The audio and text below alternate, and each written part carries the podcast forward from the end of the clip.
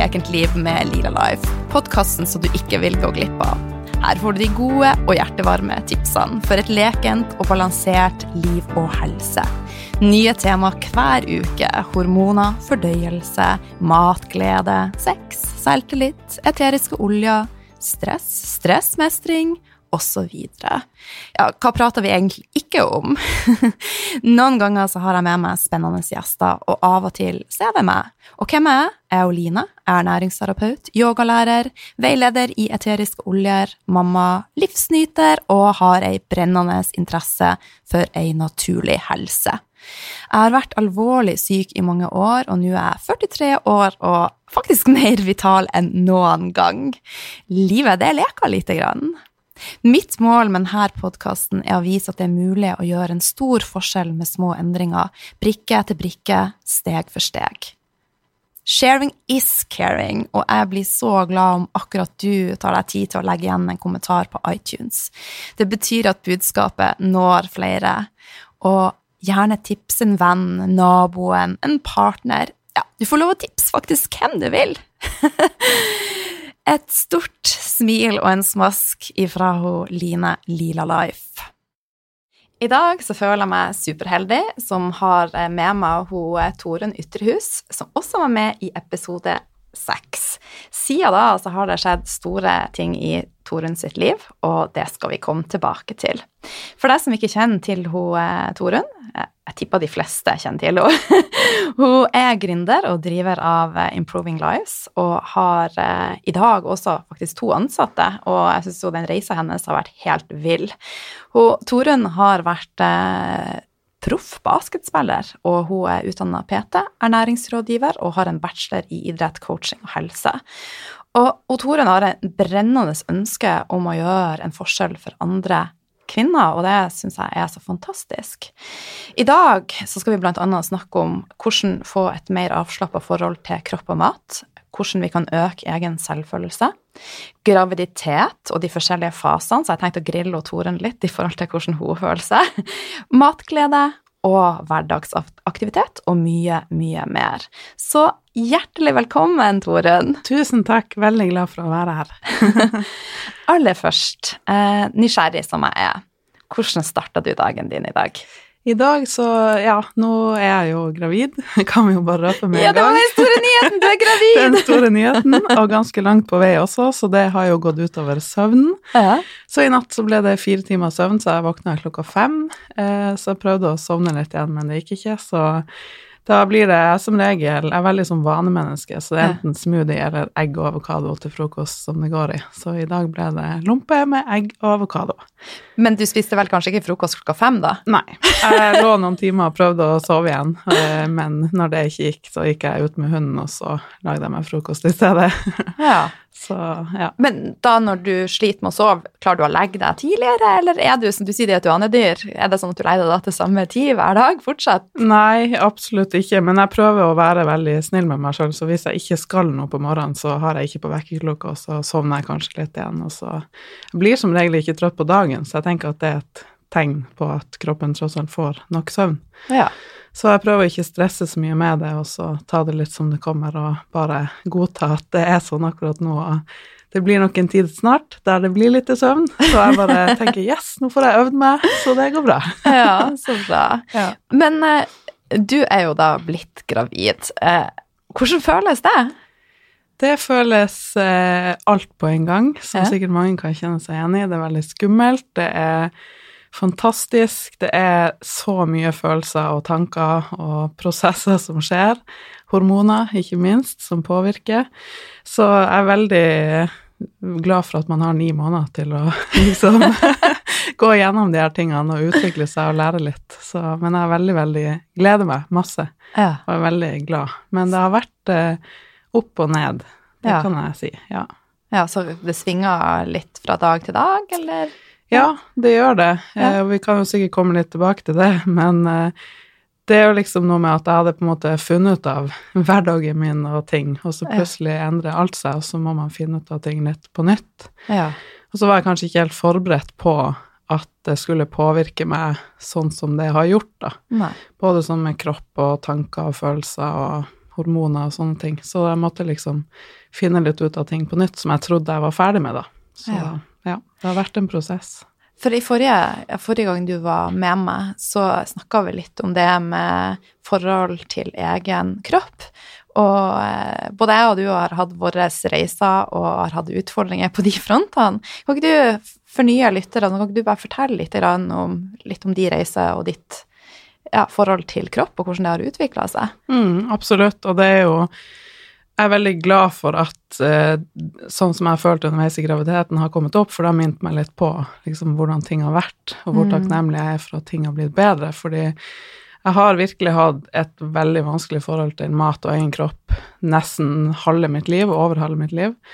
Eh, og jeg tror at man kan kjenne seg igjen i at det tar litt over. Man bruker all tid og energi på det, og man ekskluderer seg litt fra andre. og føler seg ikke god nok, det er mye skam og dårlig samvittighet, mm. eh, og tror at bare jeg finner den perfekte dietten, så skal alt ordne seg, og så tror man at det er sin egen feil at man har søt sug, og at man ikke har bedre viljestyrke. Mm. Men så handler det om så mye mer. Det bunner ofte i selvfølelse, og at man ikke er trygg i seg sjøl og ikke vet helt de her tingene, da. Og ikke minst ikke vet noe om kosthold, så man vet ikke hvor mye det påvirker når du faktisk spiser riktig, da. Da ja. slipper du å ha søtsug.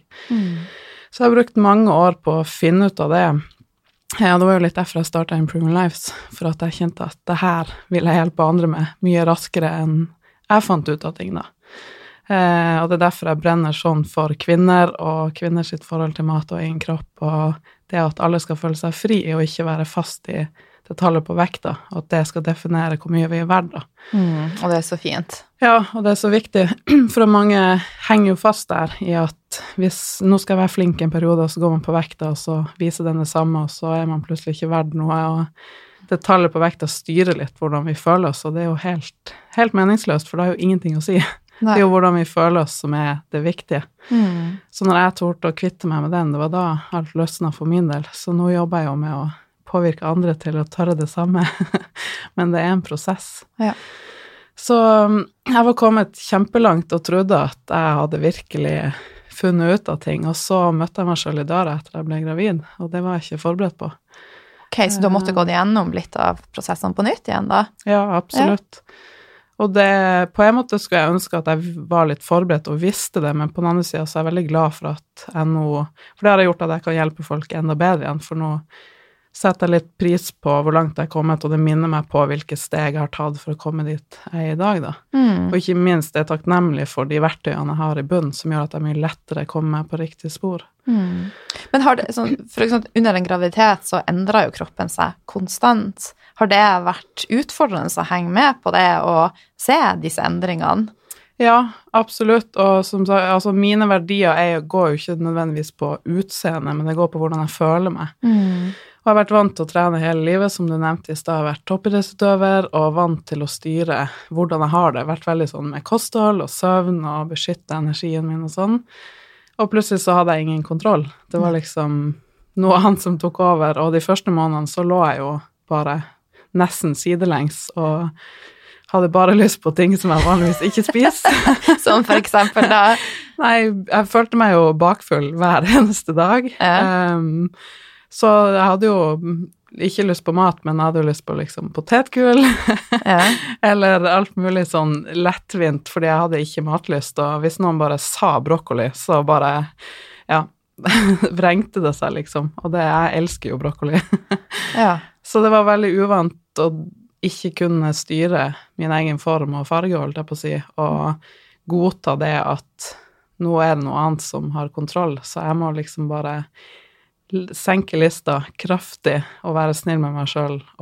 Så det var en lang prosess. Så det er ikke nødvendigvis det at utseendet, men liksom det at jeg plutselig ikke orka å trene og ikke hadde lyst på noe sunt. Det var mm. veldig, veldig uvant. Ja. Og ikke minst det her med å har jo som sagt kasta ut vekta for mange, mange år siden, og forholder meg ikke til den. Eh, og når du går på kontroll hos jordmor, så er jo en del av det å veie seg. Ja, må man faktisk det? Jeg snakka litt med henne om det i dag. For ja. jeg syns jo at det leder til et negativt fokus for mange. Og jeg syns jo egentlig aldri vi burde veie oss hvis ikke det er noen medisinsk grunn for det. Eh, og jeg tenker jo at jordmora ser jo hvis det er fare for Mm. helsa til barn og mor, og da kan man ta det da, men for mange så, og for meg da, så blir det sånn at du plutselig, plutselig blir fokuset litt der. At man sammenligner seg kanskje med andre, og oi, har jeg lagt på meg mer enn andre som er gravid gjør? Ja. Og plutselig så begynte jeg ubevisst å tenke at å, hvis jeg er flink til neste gang, kanskje jeg godner litt. Og det er jo helt forferdelig å si det høyt, fordi Ja, det jo men det er bra du gjør det, faktisk. At Ja. du sier det høyt. Ja. Det var det jeg kjente nå, at uh, det er viktig at jeg deler det her, for at jeg tror at det er mange som kan kjenne seg igjen i det. Og hvis man er litt forberedt og vet litt at man kan bli trigga av det, så er det mye lettere å kanskje si fra da at jeg har ikke lyst til å veie meg, eller Mm. kan vi ikke ha fokus på det, liksom, hvis ikke det er noe helsegrunn for at vi bør ha det. Men hvilken respons fikk du da i forhold til det, da? Om det var det nødvendig å veie? Nei, egentlig ikke, for de måler jo magen, og de Ja. ser jo om mor er frisk og sunn, og Mm. at babyen vokser som det skal. Mm. Så det er nok fra gammelt av at de er vant til det som en kontroll på Ja. helsa underveis. Ja.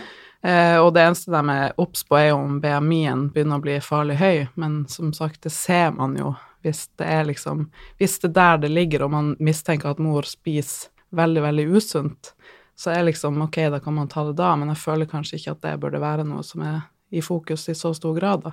Mm. Fordi mange kan bli opphengt i det, og plutselig så blir det noe som man skal måle seg etter. Så Ja. i dag så veide vi meg ikke, jeg var på kontroll i dag. Har en fantastisk jordmor som jeg kan snakke med om alt, så det er jeg veldig, veldig glad for. Så, Ja. Og nå er jeg jo mye mer Nå forstår jeg jo at det hadde påvirka meg. Mm. Så nå er jeg mye sterkere og skjønner jo at ok, det der er de gamle tankene som kommer og tar over, det er ikke meg lenger, så det der trenger ikke jeg å forholde meg til, og så er det mye lettere å skille seg fra det. Mm. Mens før så ville det nok kanskje blitt litt sånn forsvunnet i det, da, men nå har jeg så mange verktøy til å raskere snu og bli bevisst. Ja.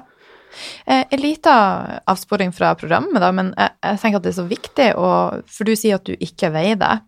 Eh, Hvorfor skal vi ikke veie oss? Har du noen eh, eh, er det akkurat der?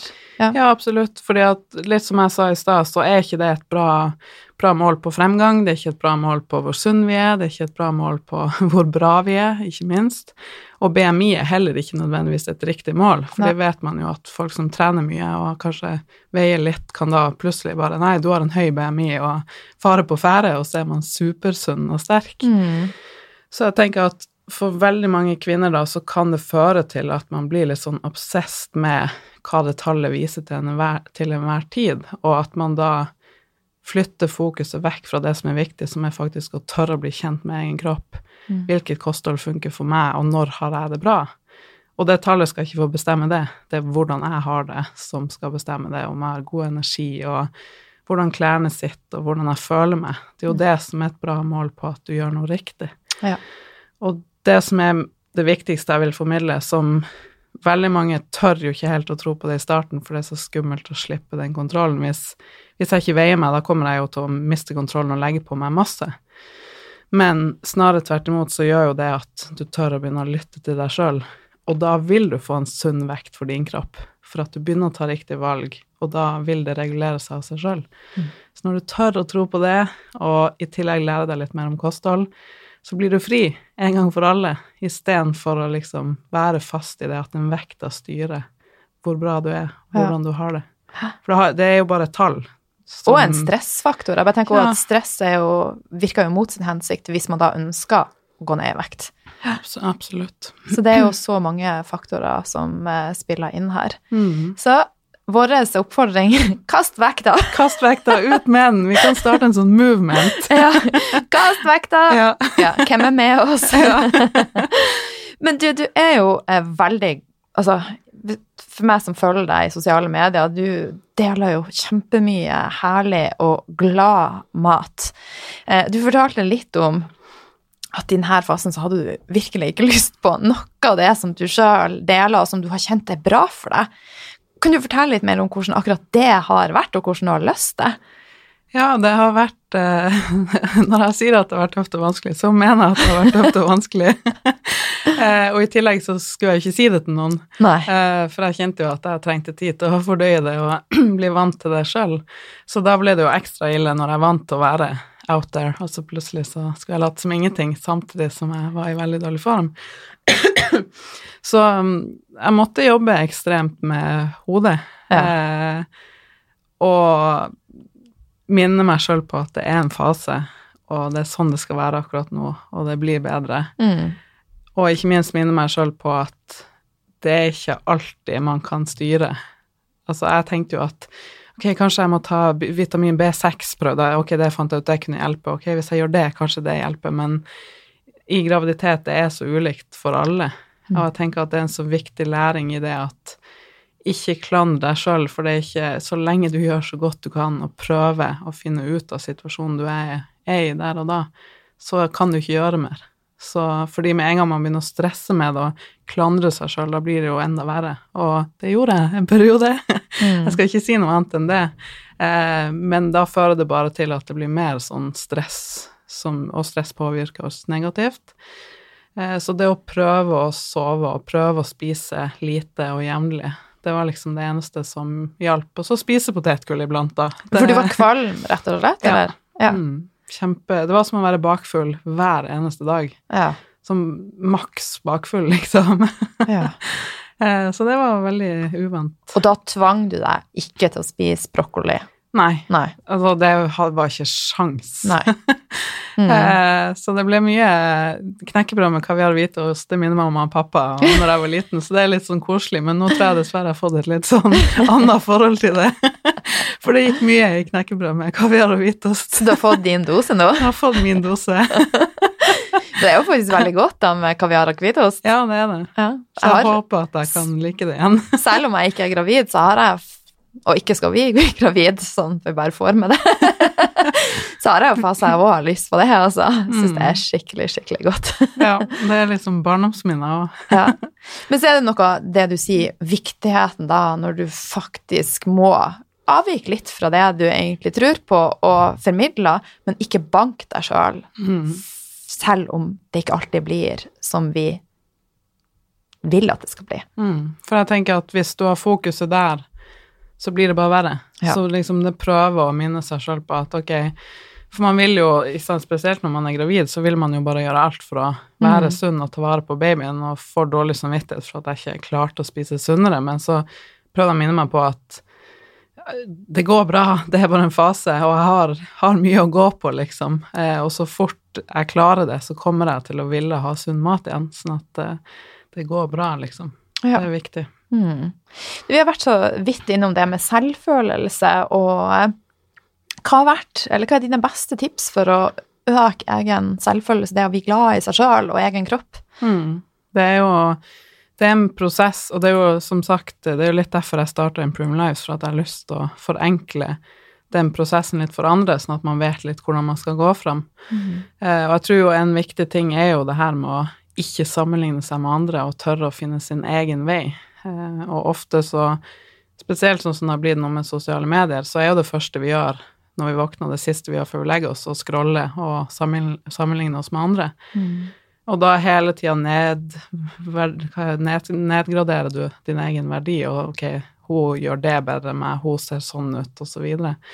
Men det å liksom tørre å slutte med det, Ja. ha litt mer fokus på seg sjøl, finne noe som betyr noe, og som gjør deg glad, som kanskje ikke da handler om mat, nødvendigvis. Altså, jeg elsker mat, og matglede er kjempeviktig, men jeg tenker sånn for veldig mange av de jeg jobber med, i hvert fall, så er det sånn at man får et litt sånn usunt forhold til mat, fordi det er der man får kjærlighet og trøst. Eh, og det å tørre å finne mening andre plasser, med i relasjoner, tørre å være sårbar og ekte og åpen, finne de tingene som betyr noe, som faktisk betyr noe, som ikke er sosiale medier, da, er kjempeviktig for å ha et sånn trygt ståsted med, som skaper litt distanse til den sammenligninga og prestasjonskulturen som er der. Ja. Så ja. Altså, jeg tror det er veldig lett at vi henger oss opp i mat som et sånn altså, Det er kjempeviktig, men det er så mange andre viktige faktorer i eh, balansert og lekende helse. Eh, og ofte så Både det, og du har jo vært der at vi har jo kamuflert, så det holdt med mat. Sånn at ja, det kan gjøre oss glad, men vi kan også bruke det som en trøst og bare Og det er en ond sirkel. Mm. Ja. Absolutt, og jeg tror at det med å tørre å Altså litt tilbake til det du spurte om i stad med min historie, det er jo det at fram til jeg kanskje var 32 eh, Nå vet jo ikke folk hvor gammel jeg er, men altså nesten store deler av mitt liv så har jeg ikke visst den ekte meg, for å sette det på spissen. Trodd at jeg måtte være perfekt, og at når jeg hadde en bra dag og smilte, så var jeg god nok for andre mennesker. Men den sårbare og ekte sida, den var ikke bra nok til å vise fram.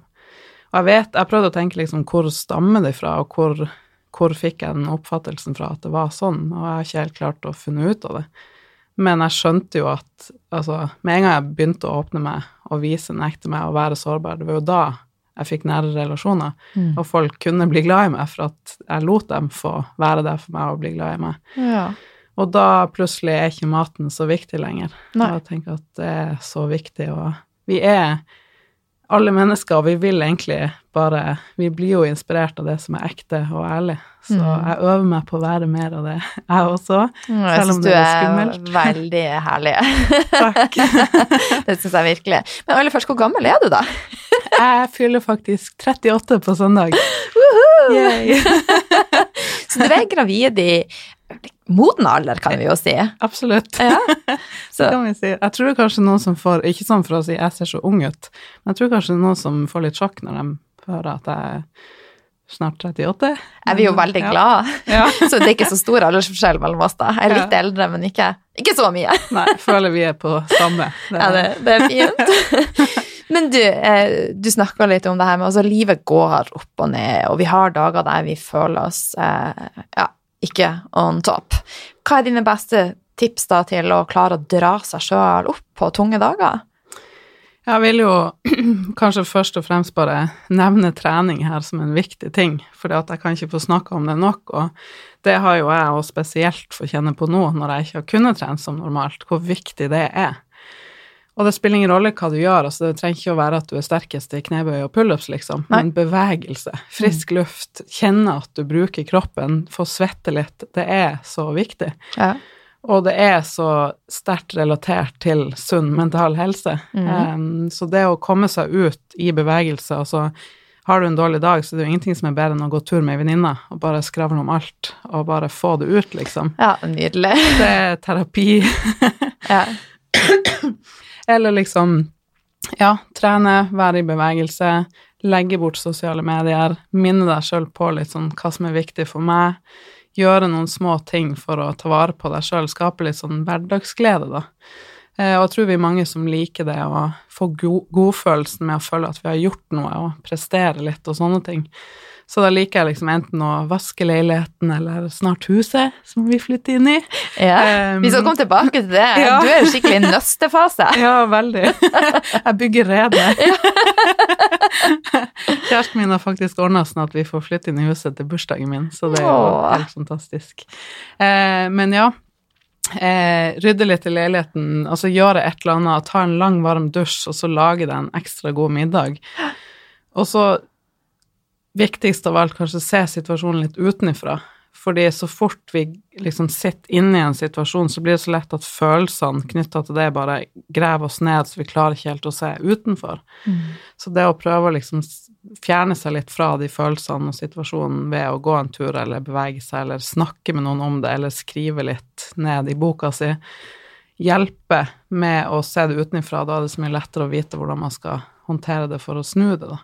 I stedet for at man bare sitter og Klassisk er jo at man blir liggende på sofaen og scrolle på Instagram, og det snur vel ingen dårlig dag for noen, tror jeg. Nei. Så Og der skal jeg bare skyte inn at du er faktisk veldig flink å holde deg unna sosiale medier, for vi er jo vidt ganske gode venner, men av og til så tar det lang tid eh, før jeg får svar, og da tenker jeg gud, hvor flink du er.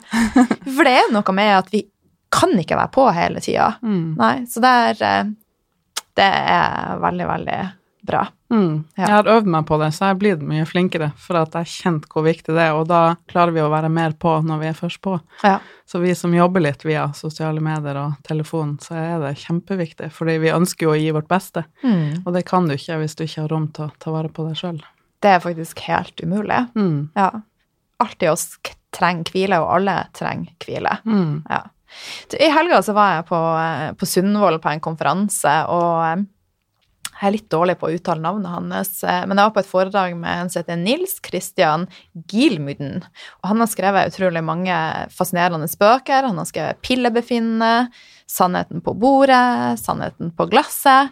Men så har han også skrevet ei bok som jeg syns var litt artig, da. For jeg begynner jo Jeg er 43, snart 44 begynner å nærme meg 50. Han har skrevet en bok som, eh, også, som heter da eh, 50 fordeler med å passere 50.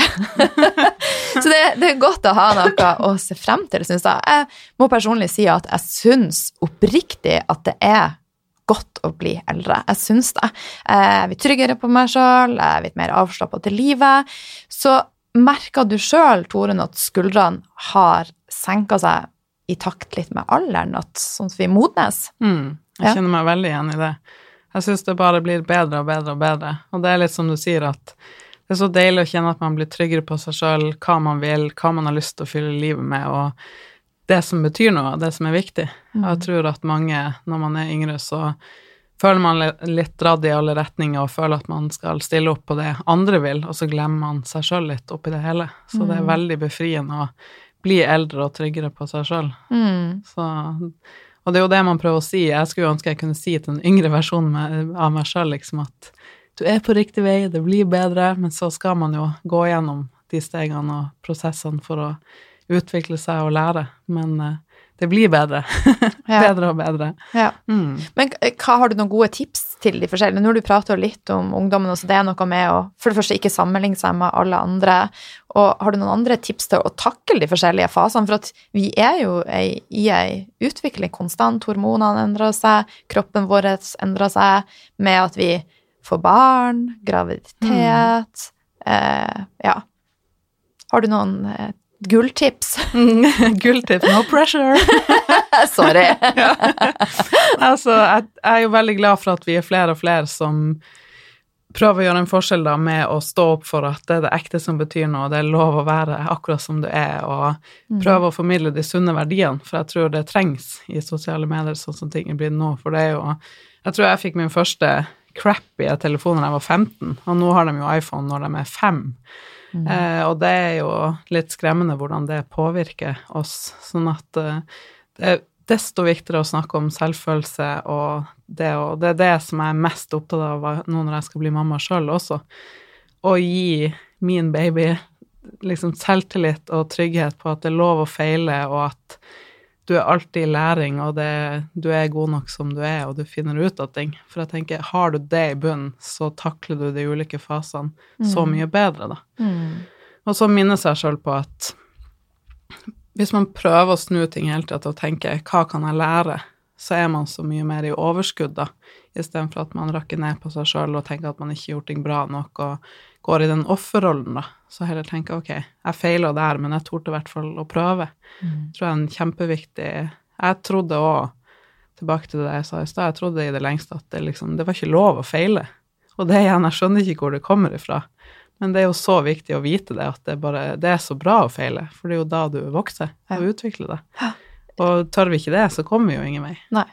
Jeg tenker at, eh, og Det er en sånn fin overgang til vi skal prate om. for at videre nå, for at altså, Alt i livet er jo en eneste stor syklus, og eh, jeg digger jo John Maxwell, jeg har han jo nevnt han hele tida, men han har også en sånn livsstilssyklus som går på det du prater om nå. Vi er nødt til å prøve, oppleve og feile, og den eneste måten å lære og utvikle oss på. Mm. Hvis vi bare er passive og ikke gjør noen endringer, så vil det jo ikke skje noe. Nei. Så det er utrolig eh, fint å tenke på også. Mm. Ja, vi må bort fra det bildet om at alt skal være så utrolig perfekt. Mm. Det perfekte finnes ikke. Nei. Men likevel så er vi unike, og vi må dyrke det unike i oss. da. Ja. ja. Men tilbake til det med altså Alt i livet går jo i sykluser. Jeg er litt opphengt på sykluser, stakkars Torunn. Naturen går i syklus. Eh, altså alt. Eh, og døgnet, menstruasjon, graviditet. Sånn at eh, siden du er her og er gravid, mm. så er jeg jo bare nødt til å linke det opp eh, til akkurat det. Eh, men aller eh, først, Toren altså Nå er du en, grav, altså en fase av livet ditt. Du er gravid. Det, altså det er en liten fase. Men hva er din beste tips til å, å klare å håndtere den fasen du er i, og så finne balansen mellom det å jobbe, det å trene, det å være sosial? Mm. Ja, jeg har jo gjort eh, Jeg kjenner for øvrig babyen sparker mens vi sitter her, så det er veldig koselig. Hun er med, liksom. så koselig. Er faktisk, vi er tre på podkasten. Ja, vi er det. eh, nei, altså, det er derfor jeg som sagt er så glad for at jeg har vært gjennom den prosessen jeg har vært gjennom. Jeg har brukt mange, mange år på, med forskjellig type hjelp for å finne, finne meg sjøl. Det høres så klisjé ut, men liksom bli kjent med meg sjøl, lære det at det er lov å feile. Hvorfor tenker jeg som jeg gjør? Hvordan er jeg i relasjon med andre mennesker? Og prøvd coach, prøvd terapi, mange forskjellige ting. Og jeg er så glad for den prosessen jeg har vært igjennom, fordi at det har gjort meg så mye sterkere rusta til å stå i motgang, da, og til å takle ulike faser, og til å lande på beina igjen, selv om jeg mister fotfestet, jeg òg, iblant, og spesielt mm. nå, som sagt, når jeg har vært gravid. men jeg finner det igjen mye fortere fordi at jeg har verktøy og vet hva som er viktig for meg, og klarer å minne meg sjøl på det. og har jobba mye med takknemlighet og takknemlighetsdagbok. Det er jo mange som tenker at det kanskje høres litt sånn cheesy ut, men det funker. Og det, det er så det. viktig. Forskning viser jo at det er enormt mm. viktig for oss. Og vi har jo, noen sier 50 000, noen sier 70 000 tanker i døgnet, men stor del av de er ikke bare på autopilot og fra gammelt av mønster, men òg negative. Så det å bruke takknemlighet som er et sånn enkelt verktøy, f.eks. skrive ned tre ting du er takknemlig for hver dag, hjelpe deg med å endre måten du tenker på ubevisst. Så det gjør at jeg hele tida liksom prøver å sette ting i perspektiv. Mm. Og det er sånn teit eksempel, men du vet at hvis du f.eks. Eh, ja, hvis du har utslett et sted, da, så tenker du å, bare der utslettet kan bli borte, så blir alt fantastisk. Mm. Og så blir det borte, og så glemmer du å tenke på det. Eh, så jeg prøver hele tida å minne meg sjøl på hvor heldig jeg er, og se ting utenfra, sette ting i perspektiv, og være takknemlig for alle de små tingene. Og det hjelper så enormt med å ha et sånn anker i hverdagen, da, når ting flyter litt, og det mm. gjør at du mye lettere finner det fotfestet igjen. Så det er en enorm trygghet å ha med seg. Ja. Og så er det sikkert mange som hører på podkasten som er dame og jente, og så tenker at dette er en sånn jenteting.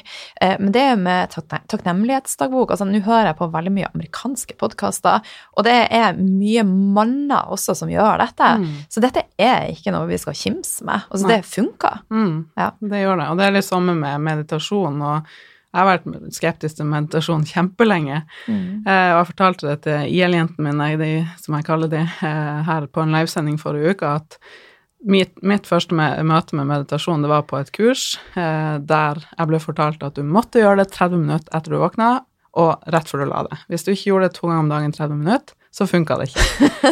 og, bare, ok, og jeg tror du er litt lik meg med at hvis noen sier at du må gjøre noe, så er det det siste du vil gjøre. sånn, nei, la meg dra til månen isteden. så jeg droppa ut av det kurset ganske fort og kjente at nei. Og da trodde jeg jo lenge at ok, så strikt er meditasjon, og det er jo bare tull. Ja, ja. Eh, så jeg tenker at det er òg et sånt verktøy som kan hjelpe enormt mye, og det bare det å vite at mediterer du i ti minutter, så gir du kroppen din så mye, og du får så mye hvile, da. Mm. Så hvis du er en person som liker å ha det hektisk og liker å prestere, så får du så mye igjen for å ta ti ja. minutter med å bare høre på rolig musikk, sitte i ro, liksom. Så det å bruke sånne ting, det har enormt stor effekt. Mm. Og faktisk bare det, for jeg tror mange eh, tenker at det å meditere, det er vanskelig. Men når jeg våkner, bare det å ligge i senga uten å faktisk sprette opp og bare ligge og puste det er jo en form for meditasjon. Mm. Ja. ja. absolutt. Og hvis du går ned en trapp, tenk på at du går ned en trapp. Ja. Høyre, venstre, si til deg sjøl hvilke ben du tråkker med. Altså, det er jo ja. meditasjon. Som bare, du bare merker at du får ro i kroppen med en gang hvis du bare er litt mer fokusert der og da på det du gjør. Ja. Hørtes kanskje litt rart ut, men det funker faktisk. ja, men det kan jeg bekrefte, altså. For det, det, er en stor forskjell å gå ned den trappa med samtidig som du sepper på telefonen, mm. kontra å bare gå. Mm. Ja. Men uh, du, hvordan uh, sånn trimester er du i? Er du i tredje? Ja. Ja, du har kommet i tredje. For jeg har lyst til å prate litt om de forskjellige mm. trimestrene, da. Uh, og så skal jeg linke de litt også opp mot menstruasjonssyklusen. For at første semester, eller trimester, da, som det heter, det i sånn menstruasjonssyklus så kalles det vinter. Og det er ei tid hvor eh, man ofte har behov for å gå litt inn i seg sjøl. Man har eh, ikke så veldig lyst til å være sosial, og det er en tid for refleksjon og hvile.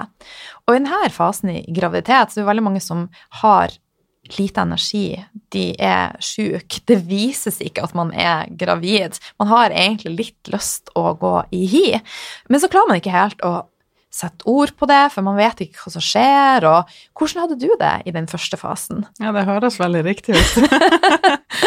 og det var jo som sagt eh, hemmelig, på en måte. Jeg holdt jo hemmelig ganske lenge. Eh, og bare for å dele litt forhistorie med det, litt eh, sårbart og personlig, men jeg har alltid syntes det har vært så skummelt det her med å skulle bli gravid. Ja. Og jeg ser så enormt opp til alle som tør, for at jeg syns det er Du mister helt kontrollen, og det er så skummelt. og ja, så jeg har så respekt for hele den prosessen og alle som er foreldre, og det er helt uh, Så det at jeg skulle tørre det sjøl, det torde jeg ikke helt å tenke på før jeg møtte kjæresten min nå, da. Så derfor så kjente jeg i hvert fall at når jeg ble det, så hadde jeg veldig behov for å bare forstå det sjøl først, uh, og ikke minst komme til uke 12, 13, 14, de der tingene sånn. Og var i kjempedårlig form, uh, og skulle ikke si noe. Mm. og er vanligvis prøve å inspirere på Instagram hver dag. så, Rett og slett jobbe imot deg sjøl litt? ja, det føltes litt sånn. Eh, så jeg lå mye sidelengs hjemme, eh, og det var veldig få som visste at jeg var gravid. Unnskyld at jeg flirer. Nei, det er Det var liksom som å snu opp ned på den Torunn vanligvis er. Ja. Så, ja. Men hvis du skulle gå tilbake til den fasen, ville du gjort noe annerledes? Altså, jeg vet at man skal ikke gråte over spilt melk, men hvis du skulle bli gravid en gang nummer to, mm. vil, du, vil, vil, du da gjøre ting annerledes? Ja, absolutt. På en måte så vil jeg i hvert fall tenke annerledes. Og det er det jeg kjenner nå. Jeg bare Herregud, hvor mye jeg har lært de her månedene. Det er jo helt enormt. Og hvor mye tryggere jeg hadde følt meg neste gang, for da vet man litt. Selv om hver graviditet er forskjellig. Ja, ja. Så man vet jo aldri. Men jeg var, som sagt Jeg trodde jo at ja, ok, hvis jeg blir kvalm, så bare finner jeg ut av det, og så klarer jeg å fikse det sjøl. Mm. For sånn har jeg vært vant til å leve. Så det var veldig, veldig annerledes sånn sett. Så når man har erfaringer, så er det jo mye lettere å tenke at neste gang så vil jeg i hvert fall liksom forstått det litt mer, og ja. vært litt mer forberedt på det, da. Men ja. jeg er jo glad for det nå, mm. selv om det hadde jeg aldri trodd jeg skulle si det da. Men det lærte meg jo vanvittig masse. Ja. Mm, og jeg setter så pris på de dagene nå når jeg kan gå rask tur og gå i motbakke og kjenne kroppen fungere og bare åh, det er jo verdens beste følelse. Og spise god mat uten å bli kvalm. Oh yes. Spise brokkoli. yes. Men du, andre trimester, den sammenlignes med dagene etter menstruasjon, som da kalles våren. Og da er Altså, det her er jo generelt, dette gjelder ikke for alle, for vi er alle unike.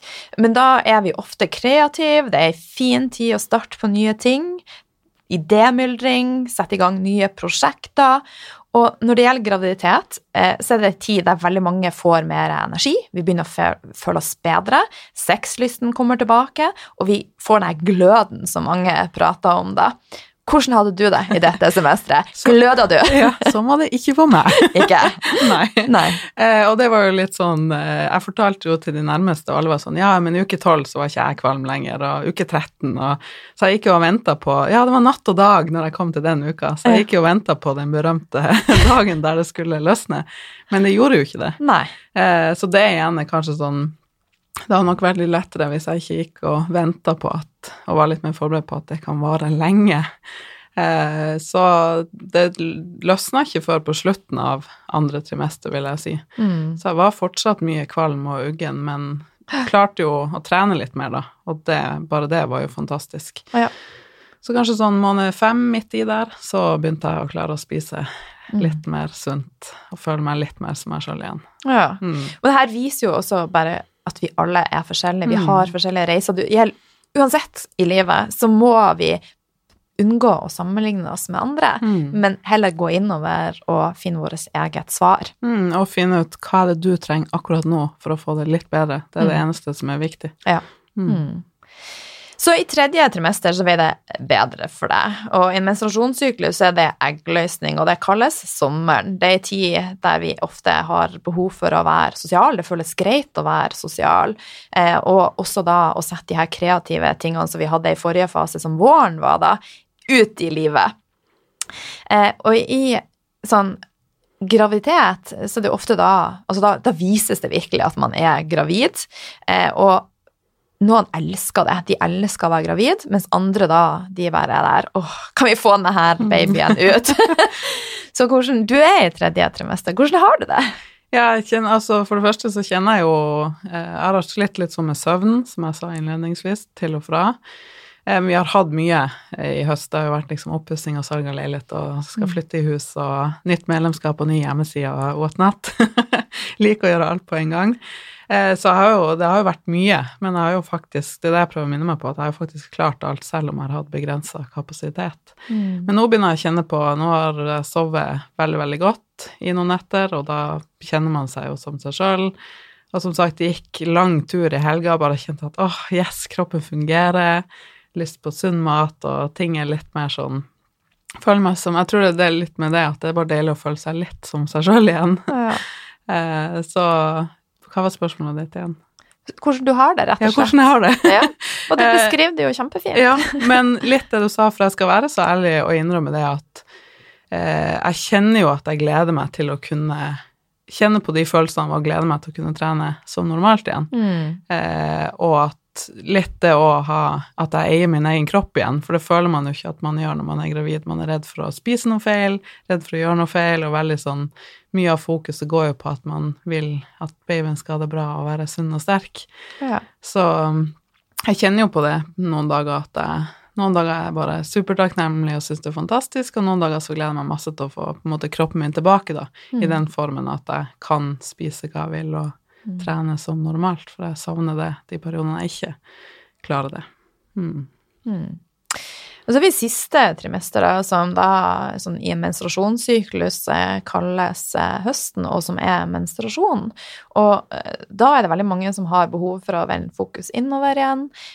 Kroppen produserer med progesteron, og personlig så jeg har akkurat begynt å lære meg mer om det her, men jeg syns det er veldig nyttig, for det gjør i hvert fall at jeg klarer å Sånn som nå, dagen før jeg skulle reise til Oslo, så var jeg i skikkelig høstfase. Jeg sto og skulle pakke og skulle reise. Altså, jeg er ikke med meg sjøl da. Så jeg kommer til nå fremover til å, å, prøve å planlegge faktisk litt ut fra syklus, og derfor syns jeg det er så spennende. Mm. Eh, men i sånn graviditetsfase så er det da er vi der at vi bygger rede, som vi sa. Altså, vi nøster, men du er jo allerede litt i gang med den mm. fasen. Eh, eh, er det noe som er planlagt, eller bare er det noe som naturlig skjer? Jeg tror det er en kombinasjon, ja. men jeg kjenner jeg har jo vært reist masse. Det, og selvfølgelig det er jo et klimaspørsmål òg, man blir jo mye mer bevisst på det her med reising og sånn. Mm. Men jeg har jo reist masse, og de siste årene hatt veldig behov for å utvikle meg og lære nye ting og hele tida være i vekst og bla, bla, bla. Mens nå er jeg veldig sånn ikke reist på lenge og skal ikke reise resten av året, og bare liksom fokus på mye mer sånn hjemmekjær og vil gjøre det koselig hjemme og trygt og fint og, og nå flytter vi jo inn i nytt hus til helga, Yay! så det blir helt fantastisk. Det har vært et mål kjempelenge. Eh, og så speeda vi opp prosessen litt når vi fant ut at vi skulle bli tre, pluss en hund. Um, så det, jeg gleder meg masse nå til å få flytta inn der, og da kunne begynne å handle inn til babyen og handle inn til hjemmekontoret mitt og skal ha eget treningsrom. og så det, jeg kjenner veldig på den fasen at det er det jeg gjør nå. Jeg bygger et trygt rede for, mm. for oss og for babyen som skal komme. Ja. Mm. Eh, den fasen eh, Nå er det lenge siden jeg fikk barn, da. Men jeg husker faktisk akkurat dette veldig godt. For at jeg hadde, eh, etter jeg hadde født, og tida etterpå Det eneste jeg ønska, var ro. Mm. Eh, jeg ønska å få være alene med mine barn og bli kjent med dem. Og så var det et enormt ytre press eh, med telefoner, besøk. Alle vil se den lille. Mm. Har du gjort deg noen tanker der om hvordan du skal håndtere det, og eh, ja? Ja, absolutt, og jeg har kjent litt på det underveis etter jeg gikk ut offentlig med at jeg var gravid. Så jeg har kjent på det i perioder at jeg har ikke vært så aktiv på sosiale medier som normalt, og prøvd å regulere det, for at jeg har kjent på det at i perioder så har man, eller jeg har i hvert fall veldig hatt behov for å være litt i min egen boble og finne litt ut av mine ting og liksom lande litt i mine følelser i det hele. Så jeg tenker òg det at det er kjempeviktig, og jeg har også tenkt det at de første ukene etter babyen kommer, så tror jeg det er en kjempeviktig fase til å lytte innover og til å finne roen sjøl, fordi du står så mye stødigere når du finner fotfeste sjøl og er trygg der du er, før du liksom åpner opp for alle andre. Så det er jo en litt sånn eh, ambivalent fase, fordi som du sier, alle vil komme og hilse på babyen, og alle vil liksom ikke ha en mening nødvendigvis, men alle er liksom spent på ting, og så har du kanskje mest behov for å bare finne litt fotfeste sjøl. Mm. Så jeg har i hvert fall tenkt gjennom det, og er veldig forberedt og bevisst på at jeg, det er viktig at jeg setter grenser ut ifra det som føles riktig for meg, da. For det tenker jeg, og det tror jeg er viktig læring som man burde tenke over i alle faser, da. At ikke gi fra en tom kopp. Tøm, tøm oppi din egen kopp først, sånn at det renner over på andre. Mm. Jeg tror det er veldig, veldig lurt, da. Det er det. Mm. Ja, så du klarer å si nei når du mener nei? Nå gjør jeg det. Ja. Mm. Så, så jeg er fint. veldig glad for at jeg Fordi at jeg minner meg sjøl på at det kommer alle til gode, og at jeg vil være på mitt beste for de rundt meg, og det mm. kan jeg ikke hvis jeg ikke tar vare på meg sjøl. Mm. Så bra. Eh, forrige gang du var med, så snakka vi en del om hormoner, eh, og da spesielt opp mot eh, sult og vekt, for det kan jo mm. være med å ja, styre mye. Det å være graviditet, være graviditet og være gravid, det innebærer jo masse hormonendringer. Mm. Hvordan har du kjent det på kroppen, og ja, hvordan takla du det? det er jo som altså, Noen dager så føler jeg jo at det bare er en bøtte med hormoner som er over deg, og liksom bare Du ser nesten ikke ut, for at det påvirker jo alt valg du tar, og måten du tenker på. Så jeg liksom må minne seg sjøl på det, at uh, det er ikke alltid Og kan plutselig begynne å gråte over veldig rare ting, så jeg og samboeren min bruker bare å flire av det noen ganger. For jeg bare 'Skal du gråte litt nå?' Jeg bare 'Ja, nå må jeg gråte litt'. og blir veldig mye lettere rørt og ja. Så jeg har virkelig fått kjenne på det. Og jeg er jo ja, vært vant til å være Jeg er jo sånn tøff og litt nordlending og toppidrettsutøver og liksom skal klare meg sjøl og mm. Så, men det er litt godt å kjenne på at uh, det er lov å være litt opp og ned og føle mye også. Det er jo bare fantastisk. Det er så viktig å faktisk føle, mm. ja, og istedenfor å undertrykke, for det mm. kan vi òg bli syke av. Så. Ja, absolutt. Vi snakka jo litt om det i stad, og det mm. går jo litt på det her som jeg brenner mest for, som er jo kvinners forhold til mat og egen kropp, og, og det er jo ofte et resultat av undertrykte følelser at man vil rømme til andre ting. For noen er det mat, for noen er det alkohol. Det er jo forskjellig fra folk, men det blir en sånn lett måte å døyve de vonde følelsene på der og da, som bare gjør det så mye verre. Mm. Så det å tørre å stå i følelsene sine og jobbe med de og dele de, det er så viktig. Og da plutselig så bare Ok, det var jo ikke så farlig, og så er man så mye sterkere. Mm. Men du, utenom eh, knekkebrød med hvitost og kaviar, har du hatt noen andre cravinger? eh, har jeg hatt Altså, jeg er jo veldig sånn vanemenneske som, som, alltid, så har jeg jo vært det nå at jeg spiser det samme i en periode, og så, så det er sånn Samboeren min bruker å si 'Å ja, vi skal ha det samme til middag i dag òg'. ja, det skal vi. nå er det det det går i denne uka, så Ok, hva er det siste det har gått i, da? Nei, har, det har vært litt uh, takeaway sushi òg. Ja. Det har funka bra, for det er jo liksom litt salt og på en måte litt lett mat. Eh, og så har det vært mye salater, faktisk, så det har jeg vært veldig glad for at det er det jeg har crava. Mm. Litt sånn lett og fresh mat. Smoothies har det gått mye i. Ja, eh, ja så Og selvfølgelig det man ikke skal spise, lakris. Så det Du har craving på det? Ja, det har jeg craving. Det er sånn ironisk, og ja. det er sikkert litt og psykisk, for at du vet du ikke kan spise det, så bare Jeg vil ha lakris. så ja, det blir litt uh, lakris når jeg men lakris er pga. blodtrykket, man skal være forsiktig med det når man er gravid. Ja, og så er det noen stoffer det inneholder som kan være farlig for babyen i store, store mengder, da. Mm. Men det er jo ikke forska så mye på det, men det er jo bare sånn vær forsiktig med mengden, som så mm. vidt jeg har lest så langt, i hvert fall, da. Så ja. ja. Jeg må bare skyte inn dette, for vi hadde et event i går, og så hadde Trine, nei, hun, eh, Tankekilden og Kristine hadde laga eh, lakris eh, marshmallows hjemmelaga. Å, herregud, så godt. og det var sånn jeg sto, og sneik meg bak og sto og smugspiste litt før de andre skulle. Sånn at det var så godt. Så ja, det, det hørtes helt fantastisk ut. Ja, det var helt nydelig. Og selvfølgelig naturlig og med naturlig gelatin og uten sukker. Og at de var fantastiske. De må jeg lage når jeg kan. Ja, jeg skal få, få tak i Ja, takk. jeg skal få delt det også på podkasten nå, så jeg har tisa dere. Mm. Jeg tipper vi det er flere enn oss som elsker lakris. Ja, hvem elsker ikke lakris, og hvem elsker ikke sjokolade? Nå har vi snakka mye, og jeg har stilt deg mange spørsmål.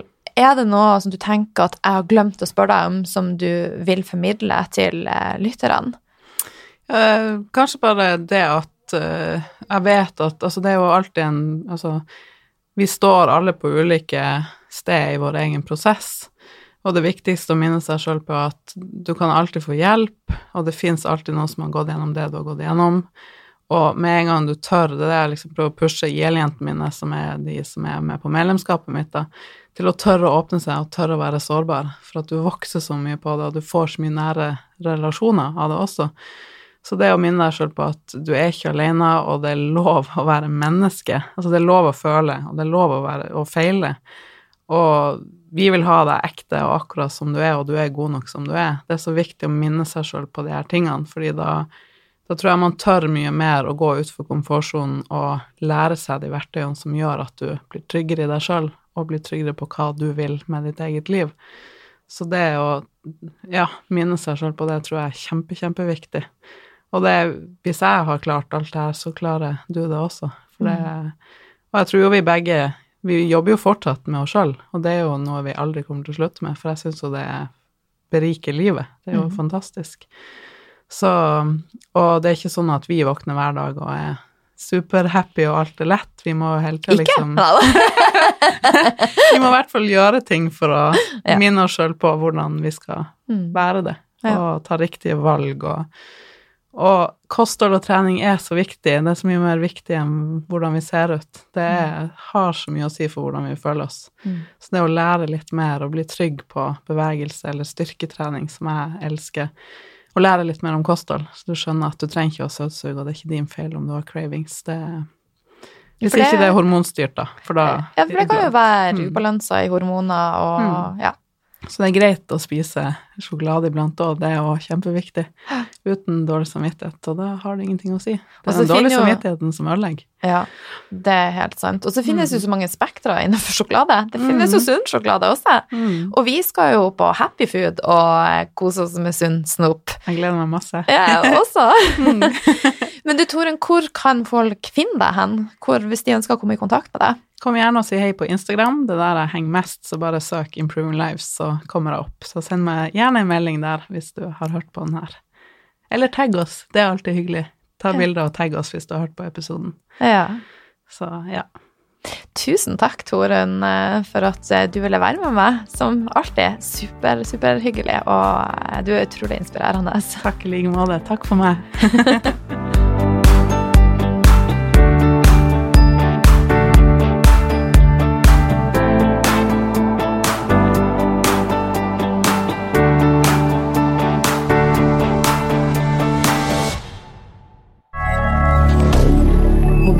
Canada.